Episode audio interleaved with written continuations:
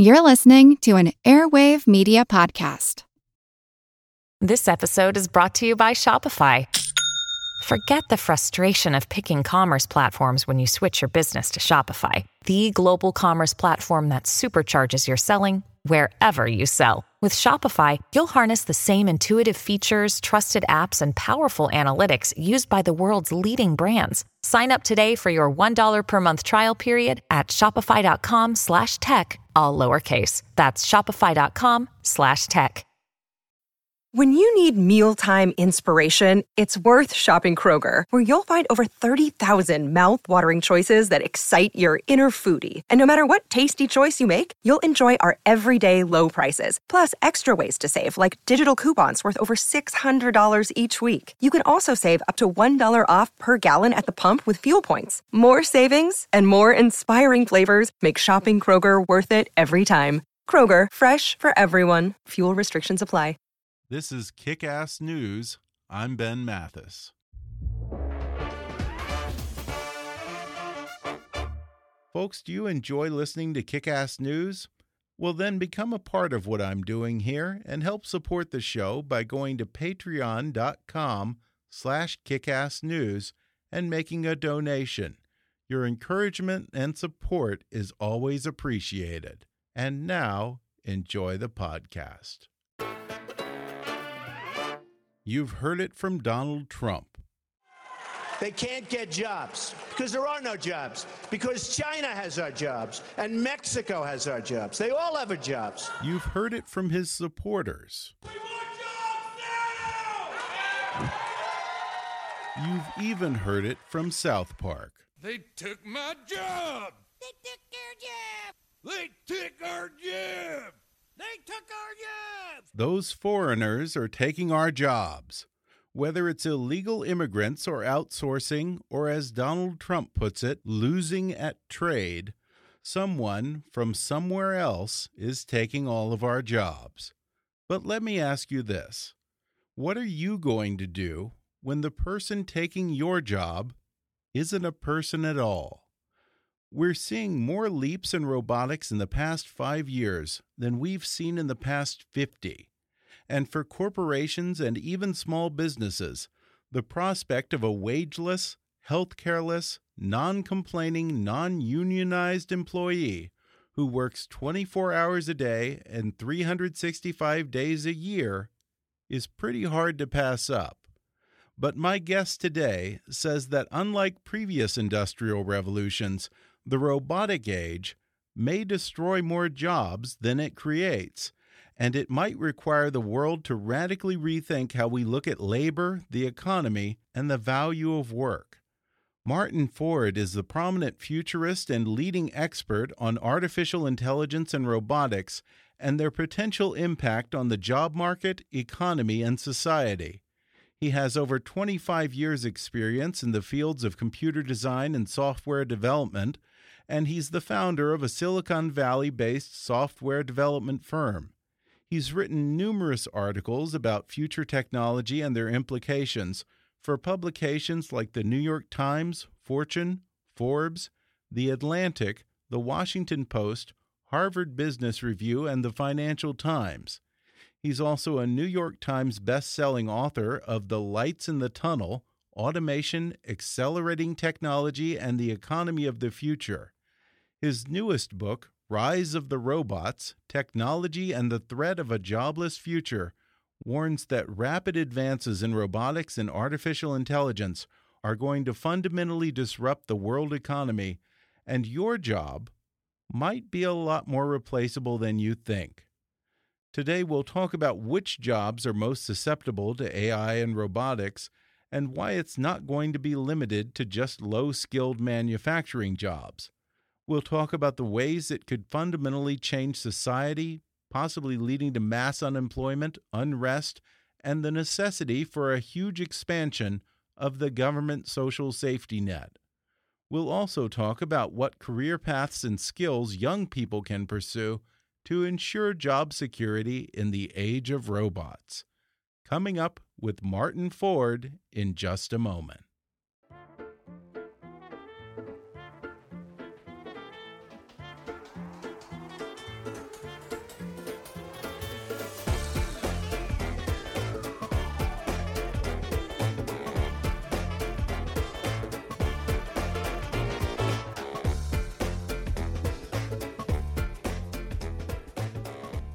Today I'm joined by Martin Ford. He's the author of Rise of the Robots Technology and the Threat of a Jobless Future. Martin, thanks for joining me. Thanks for having me. Industry and tech have gone through transformative periods, and we've always found a way to adjust. Uh, buggy drivers were replaced by assembly line workers. Taxi drivers are now switching over to become Uber drivers. But you and a number of others say that the age of robots isn't going to be like previous disruptive industries. Why is this different? That's right. As you say, uh, historically, you know, we've always had an economy that's adjusted and it has created more jobs. You can the example you gave is a good one. You know, uh, the manufacturers of horse-drawn carriages were wiped out, and then there was a rising automotive industry, and that industry created enormous numbers of jobs for average people. Um, and I think that it worked that way just because we were at a particular time in history when when technology was at that point where uh, you know that process was very labor intensive. I think that that has pretty much come to an end. And if you look at the new industries being created today, they don't look anything like the automotive industry. Look at Google, look at Facebook. You know, it's not creating huge numbers of jobs in any sense, and it's certainly not creating a lot of jobs and opportunities for average, typical people in the way that uh, the automotive industry did. So I do think we're seeing a big shift, and the thing that's really driving it is that machines, computers, in a limited way, are now beginning to think. You know, they're taking on cognitive capability. It's not just about mechanical processes or muscle power. It's now about brain power, uh, and this is something that's really entirely new, and it's much. It's much broader than it, it has been in the past. You can point to examples like like computers that did computation in the past, but now we've got machines that are truly beginning to think in a, in a broader sense. And you know that's really quite disruptive. And I think that, that where it leads to is that we're going to get to the point where nearly all of the routine, repetitive, predictable work in the economy is is going to be automated, and that's going to have just an enormous impact on the number of jobs and the type of jobs that are available. Let's talk about what kind of jobs could be replaced. For the longest time, we thought that the jobs that were under threat by machines and computers were largely manufacturing jobs, and the line was, well, better jobs will come of that. But you say in the book that some of those better paying jobs are the ones that are most threatened under this. Which people should be worrying about their job security in the next few years? Again, I think that the main criterion for whether or not a job is going to be threatened, you know, for the foreseeable future, thinking of the next decade or two, is is that job on some level predictable? Are you doing something that another person, if they studied a record of everything you've done in the past, could that person figure out how to do your job eventually? If the answer is yes, then eventually I think there'll be a smart algorithm or a robot that will come along and be able to do that job. And and the thing is that when you think in that way, it's clear that that encompasses a lot of skilled knowledge-based jobs. I mean, there are a lot of people that sit in front of a computer and they crank out the same kind of analysis again and again. Uh, they write the same basic report again and again. All of that is susceptible to this, and, and in many cases, we can point to examples where it's already happening.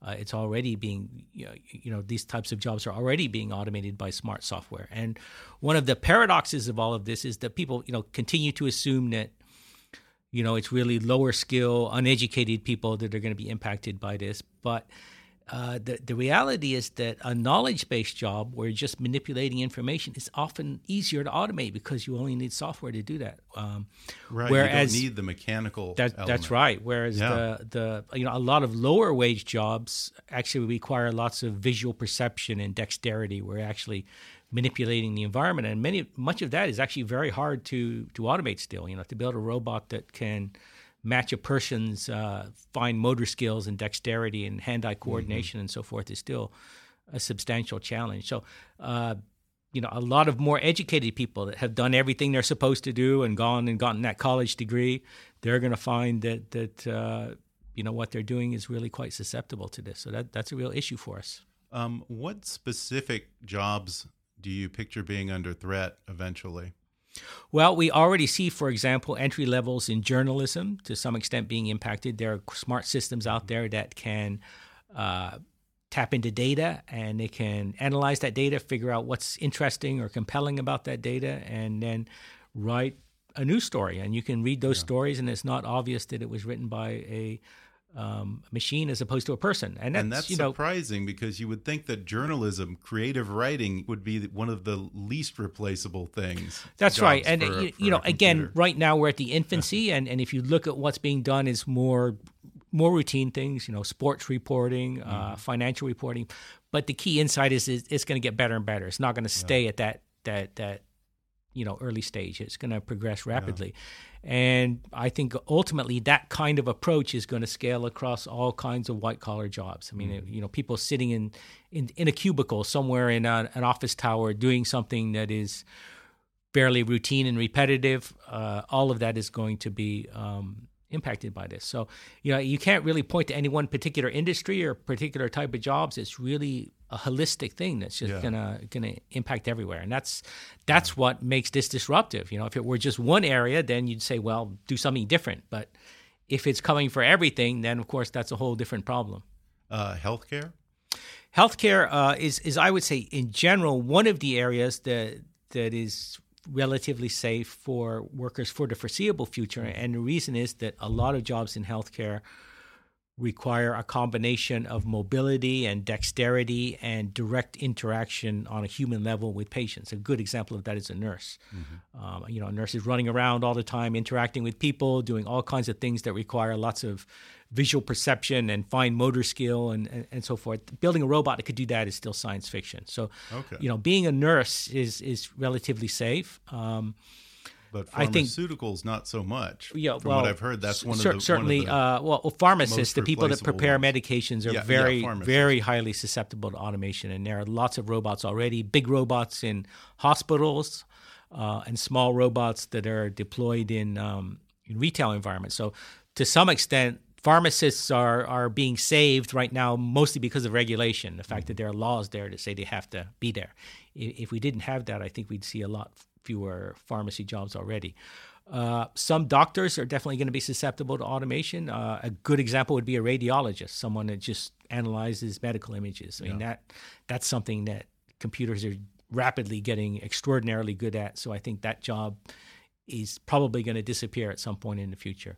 On the other hand, doctors that you know like nurses that have more direct interaction with patients and a requirement for more uh, dexterity and so forth, uh, those jobs are going to be safer. Um, so de- definitely within healthcare, there are uh, a lot of jobs there that are relatively safe, and that the paradox of that is that to some extent is a problem because you know healthcare is becoming such a burden on our economy. Um, so it would actually be a great thing if we could bring in more technology to Right. to lower the cost of that. But More efficient. but but yeah.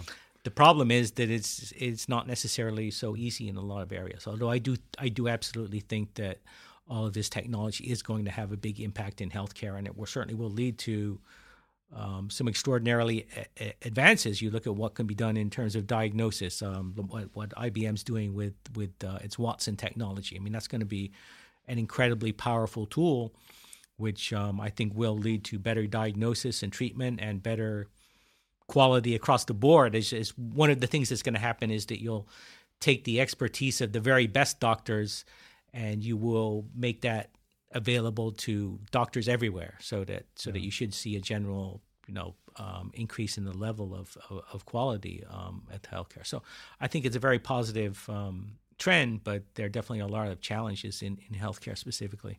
Yeah, and I was also surprised to learn that one of the careers that's most susceptible to automation is the legal profession, lawyers, paralegals. But when I thought about it, you know, it makes sense because it's not unthinkable that you could come up with an algorithm to just plug in those things when you're talking about writing contracts.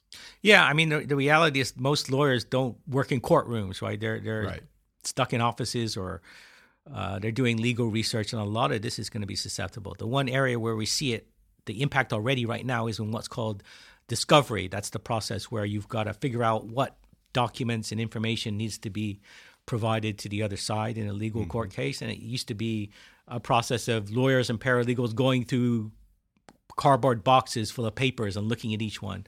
Now, a lot of that is, has been automated with uh, e-discovery software, and so that's just one example where a lot of the more routine, repetitive work um, that is done by highly skilled people um, is is you know already being automated, and you're going to see you know something similar in many other areas in terms of legal research, writing briefs, um, you know, making legal predictions and decisions. A lot of that is is also susceptible to this. So, uh, you know, a lot of the you know we're still going to have the the superstar superstar lawyer in the courtroom and all of that. That job is probably Yeah. safe. No robots but, in the courtroom. But all of the people that support that that person, Yeah. um, you know, doing the work in the library and cranking out contracts and briefs and stuff. A lot of that is is definitely going to be impacted. I don't know. I, I kind of think that it might be fun to have a robot Matlock, you know, show up in the courtroom in a seersucker suit.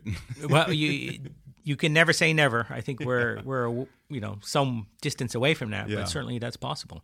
um, what kind of time horizon are we looking at for robotics to become relatively pervasive? In other words, how long do we have to look for a new job?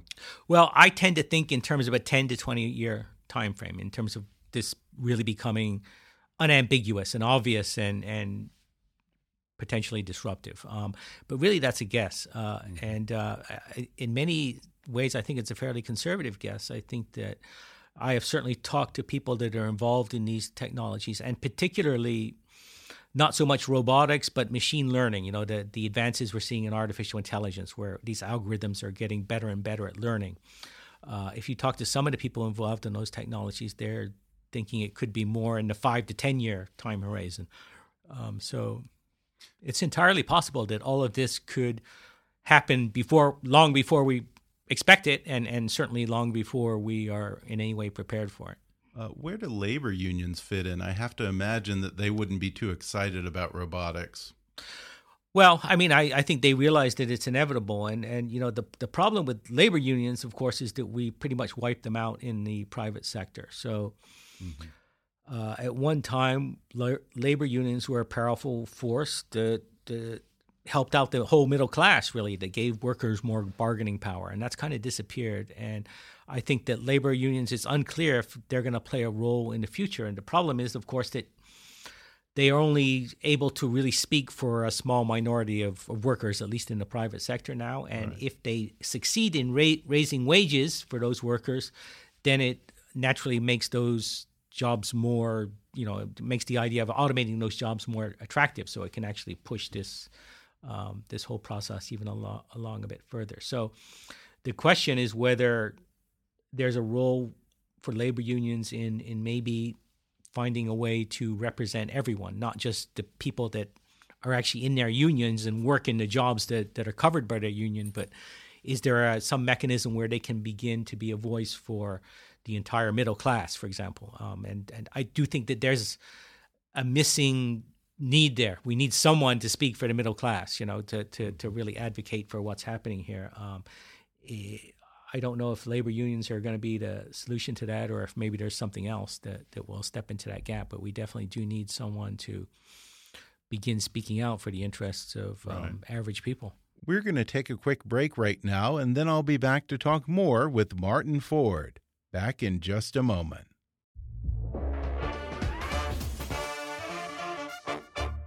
If you're intrigued by my conversation with Martin Ford, then check out his book, Rise of the Robots Technology and the Threat of a Jobless Future. And right now, you can download the audio version of his book for free with a special promotion just for our listeners from audible.com.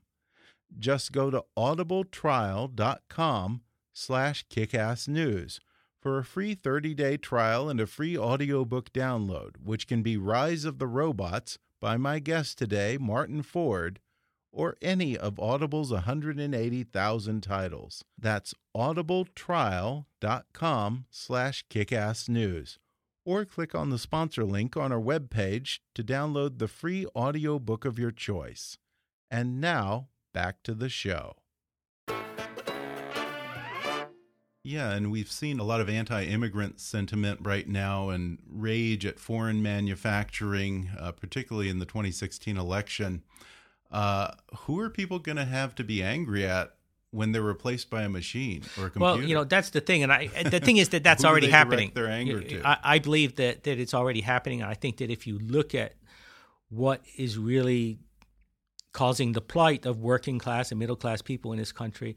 Technology is probably a bigger factor than immigration or or even trade. Um, and, and and I think that as we look forward, that will be even more true. Um, for a while there, China did have a big impact, but there's lots of evidence to suggest that that's kind of winding down now. That the the impact of of, of China is not going to be as great in the future, but the impact of technology is going to be even more dramatic. So.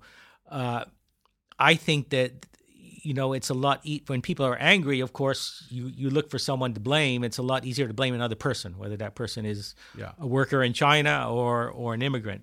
Um, technology is you know a lot less visible and and tangible. Um, it's something that you can't so much point to, and so you know that's part of what's going on. Is that I think people don't realize what what it is that's really causing the trouble for them, and and so there's this generalized anger out there, and, and I I worry a lot that that's going to get worse. I mean, you know, the trend that I see um, suggests that if we don't find a way to to adapt to this, you know, things are going to get a lot worse. The level of anger is going to get worse, and therefore opportunities for people like Donald Trump to step into that Yeah. that Are- that uh, situation and take advantage of it are are also going to grow. So you know, and that'll be true both we- here and, and in Europe. Are we looking at large scale unemployment, societal unrest, maybe even riots? I mean, I, mean, that's a possibility at some point. There's a range of possible outcomes here. Certainly, mass unemployment is one possibility, especially if this unfolds at a rate that is maybe faster than what we're ready for, and if we're totally unprepared, you, you, can't rule out that that possibility. Um, a- a less extreme possibility is that we just see a continuation of what we see now, which is that average people have got stagnant wages. Average people are often underemployed, where they, they do have a job, but they don't get enough hours, or the job that they can find doesn't really utilize their skills and so forth. So we could see that that worsen. That would be a sort of a tamer version of this. So, um, but it, however it works out, um, it's not going to be good in terms of the impact on on society and um, in terms of the, the the political response that you're going to see. So. I, I do think that we're going to see people more and more disenfranchised, people more and more angry, and uh, that can lead to all kinds of bad things. Well, this is a pretty pessimistic picture you're painting here. Uh, are there opportunities to adjust and thrive in the era of robots, or Sure. I mean, I think for? that that's my whole. That's the reason I I'm talking about this. That's the reason I wrote my book. Is that there absolutely is a fantastic opportunity there. I mean, where I live in Silicon Valley, there are a lot of what we call techno optimists, people that have a very bubbly, optimistic view on this and think that technology is always great. And you know, to a large extent, I agree with that. Technology is the thing that has made us more wealthy. I mean, if you compare the lifestyle of an average person today to the lifestyle of a very very wealthy person maybe 100 years ago i think the average person in, in most ways is probably better off today. And the reason is that technology has made our world better and, and created all of this abundance of, of new services and products for us. Uh, i think we want that to continue but we need to recognize that that uh, we're headed into a different era, and in particular, there's going to be a big impact on the distribution of income. If we can adapt to that, you can imagine a very utopian future, something like on Star Trek, where no one really has to work if they don't want to, or certainly they don't have to do an unpleasant job or a job that they hate, and, and yet everyone is thriving. Um, that's possible. That can happen. The problem is, I don't think that happens automatically as a result of the progress of capitalism. I think that we have we're going to have to actually adopt policies to push us in that direction. Will it entail having to rethink the fundamentals of our economy? To some extent, I you know I think it's going to require ultimately an unconventional, seemingly radical adaptation. Uh, I don't think that we can. You know, the conventional ideas are out, that are out there are things like uh, give people more education and training, or Right, we hear that a lot. um, you know, and all- you know, and that that has worked so far, but we're getting to the point where I, I just don't think that that's going to be a sustainable solution. And a big part of the reason is that we now have machines climbing the skills ladder, so people are not going to be able to stay ahead of that. You know, Yeah. I mean, I mean, it could if you think in the extreme, it'll get to the point where if you want a job, you got to have a PhD from MIT in, in, in artificial intelligence or something, so you can be a developer. I mean, uh, we're not going to take all the taxi drivers and and and and, and put them into that kind of role, right? Yeah. So so it's not ultimately it's not sustainable. Um, But still, So- someone has to make the robots, right? Yeah, though there definitely will be or opportunities. will and- and- robots be making the robots? well, eventually they'll be, the robots will definitely be building the robots, but there's still going to be roles for people in in in many ways. Uh, my concern is that number one, there won't be enough of those opportunities for everyone, and number two, there'll be a, a mismatch between the skills that are required in those new jobs and the skills and capabilities of typical people out there. Uh, so ultimately, I do think we're going to have to do something about that. And what I've advocated, and, and it's an idea that's getting more traction, is that someday, not tomorrow, but someday, we're going to have to look at something like a guaranteed basic income where everyone has got some sort of a floor on their income so that they can Really? survive economically whether they have access to a traditional job or not. Um, and again, that's a very radical idea that people will call socialism. Uh, actually, it's not. If you look historically, what you'll find is that many conservatives and libertarians have supported that idea, in particular, Friedrich Hayek, who has become kind of a conservative icon.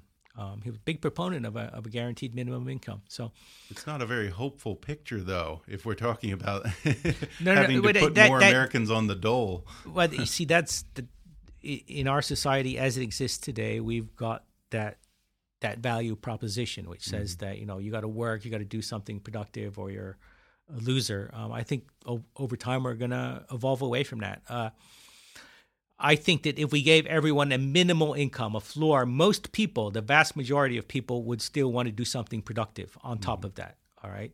And in fact, there's evidence to suggest that if you give people a basic safety net, they may, in many cases, choose to take more risk. I mean, so just for example, suppose you've got a job right now that you're not really growing in, it's just kind of a boring job, you keep it.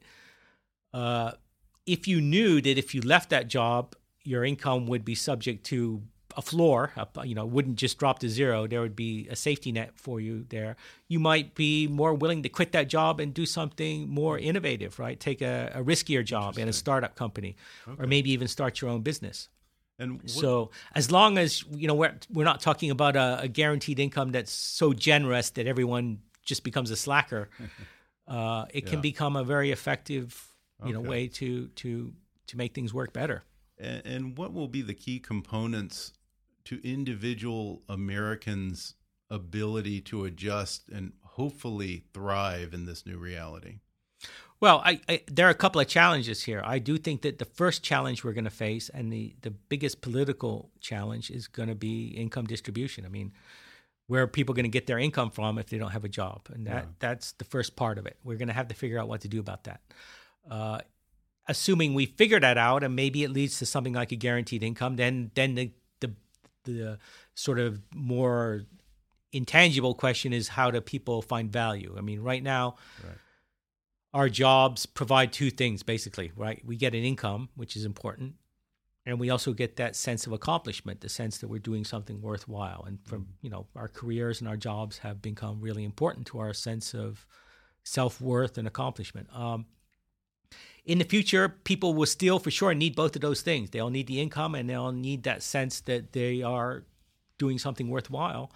Our challenge is going to be to figure out a way to make sure that happens. And I think it will involve effectively decoupling those two things so that you'll still get both of those really important things, but you may not get them from the same place. They may not be in one package the way a job is today. But for, uh, say, a kid in high school who's thinking of going to college in the next few years, if they want to be able to earn a living and, and do well in the age of robots, what advice would you give to them? Well, specifically, if you're looking for an area to study, as I said, I think healthcare is a pretty good bet um, because those, you know, it's going to be subject to less automation. and a lot of Nurses have pretty good job right, security. right. You said. Yeah, I think that's true. Um, and also, we've got demographics going on in terms of our aging population, which suggests there's going to be a a need for more healthcare in the future. Uh, so, uh, you know, th- that's not a bad bet. But in, more generally than that, um, you want to focus on things that are more recre- creative and non-routine. I mean, the last thing you want to do in any area is go to school and study and acquire a bunch of skills that allow you to do some relatively routine, predictable job. And a lot of our education is about that.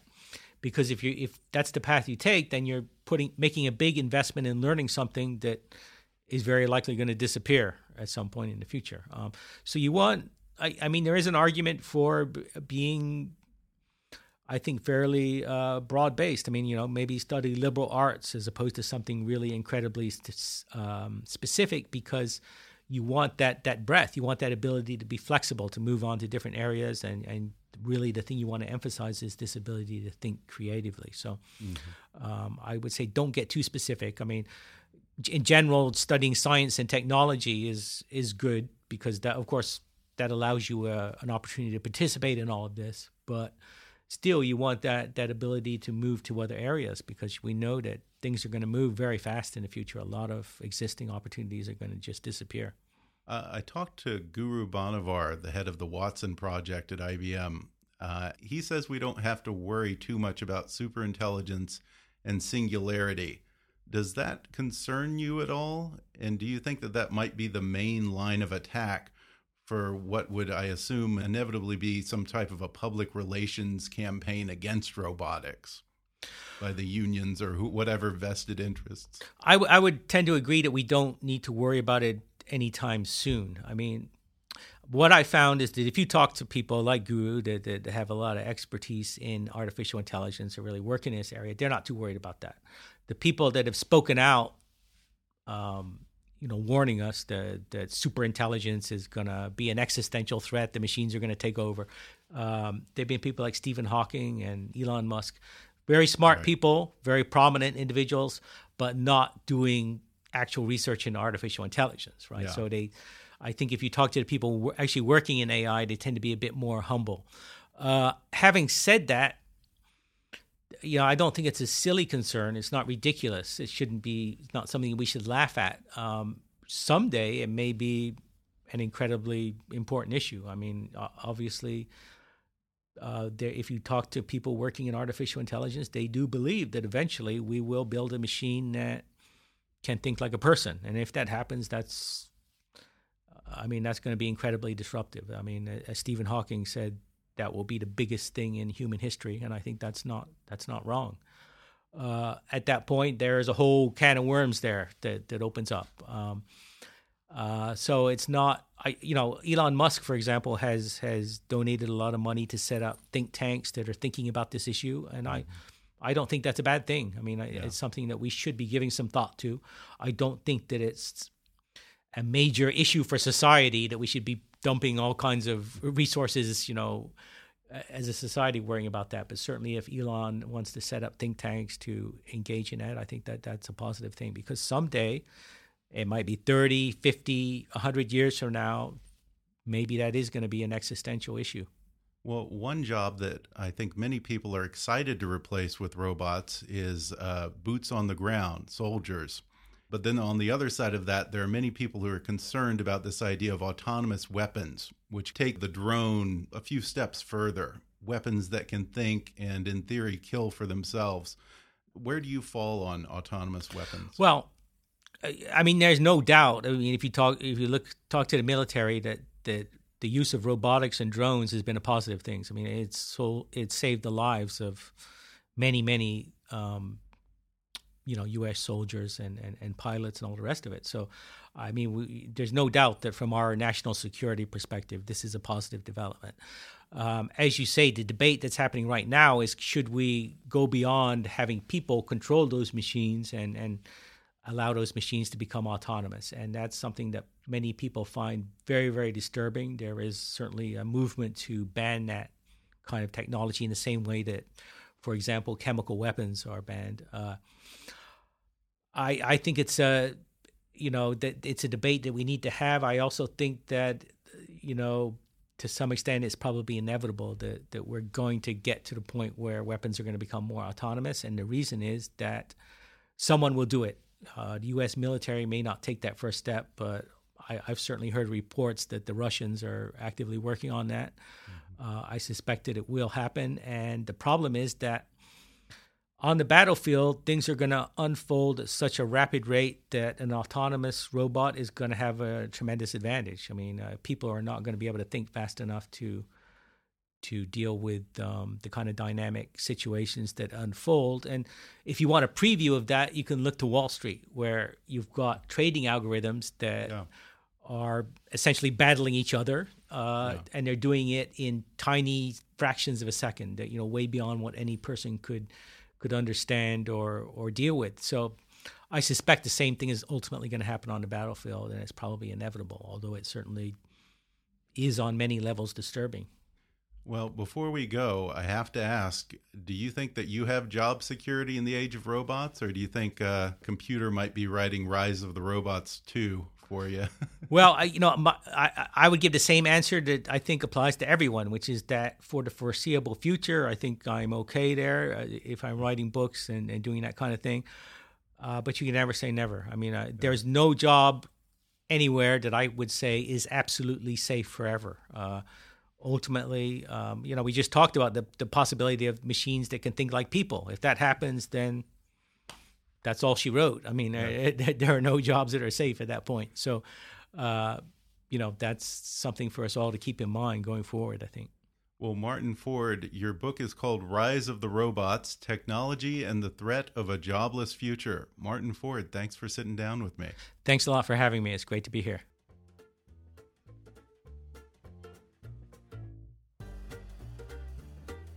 Thanks again to Martin Ford for coming on the show. And if you liked today's episode, I would highly recommend his book, Rise of the Robots Technology and the Threat of a Jobless Future. I'll include an Amazon link where you can order it in the show notes for this episode and on our website at kickassnewspodcast.com. Or if you'd prefer to listen to the audio version, you can download that for free through that special trial offer just for our listeners at audibletrial.com slash kickassnews.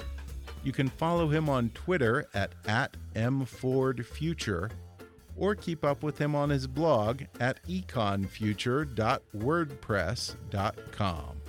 Be sure to subscribe to Kickass News on iTunes and leave us a review while you're there. You can visit Kickass News on Facebook or follow us on Twitter at, at KA Politics. And please be sure to recommend Kickass News to your friends on your social media. And if you really want to help out, then donate to our GoFundMe campaign at gofundme.com slash kickassnews or make a recurring donation at patreon.com slash kickassnews. And as always, I welcome your comments, questions, and suggestions at comments at kickassnewspodcast.com. For now, though, I'm Ben Mathis, and thanks for listening to Kickass News.